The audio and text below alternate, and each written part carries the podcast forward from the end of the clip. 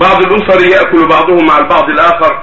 مثال ذلك أهل البيت الواحد. الأخوة كلهم كل منهم عنده زوجته فيأكل بعضهم مع بعض. وإذا قيل لهم هذا لا يجوز يحتجون بأن الدين يسر وليس بعسر.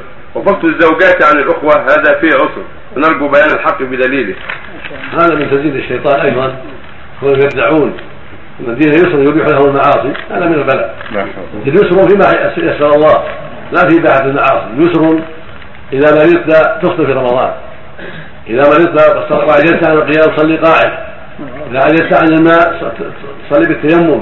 هذا معنى اليسر وهم معنى اليسر أنك إذا اشتقت إلى النساء تنظر إليهن وتجلس معهم وتخلو بهن. لا. اليسر في حفظ محارم الله وترك ما حرم الله وأداء ما وجب الله. هذا هو اليسر. وإذا عجز عن شيء أبدله الله شيئا آخر أيسر عليه في شريعة الله. فيسير من ربنا عز وجل.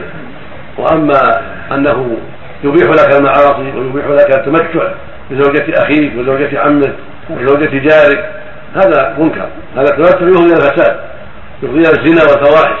ولكن أكثر الناس لا يشعرون ولا يعقلون. وليس له للرجل أن تأكل معه زوجة أخيه أو زوجة عمه ليست محرما له. بل هذا النساء وحدهن والرجال وحدهن.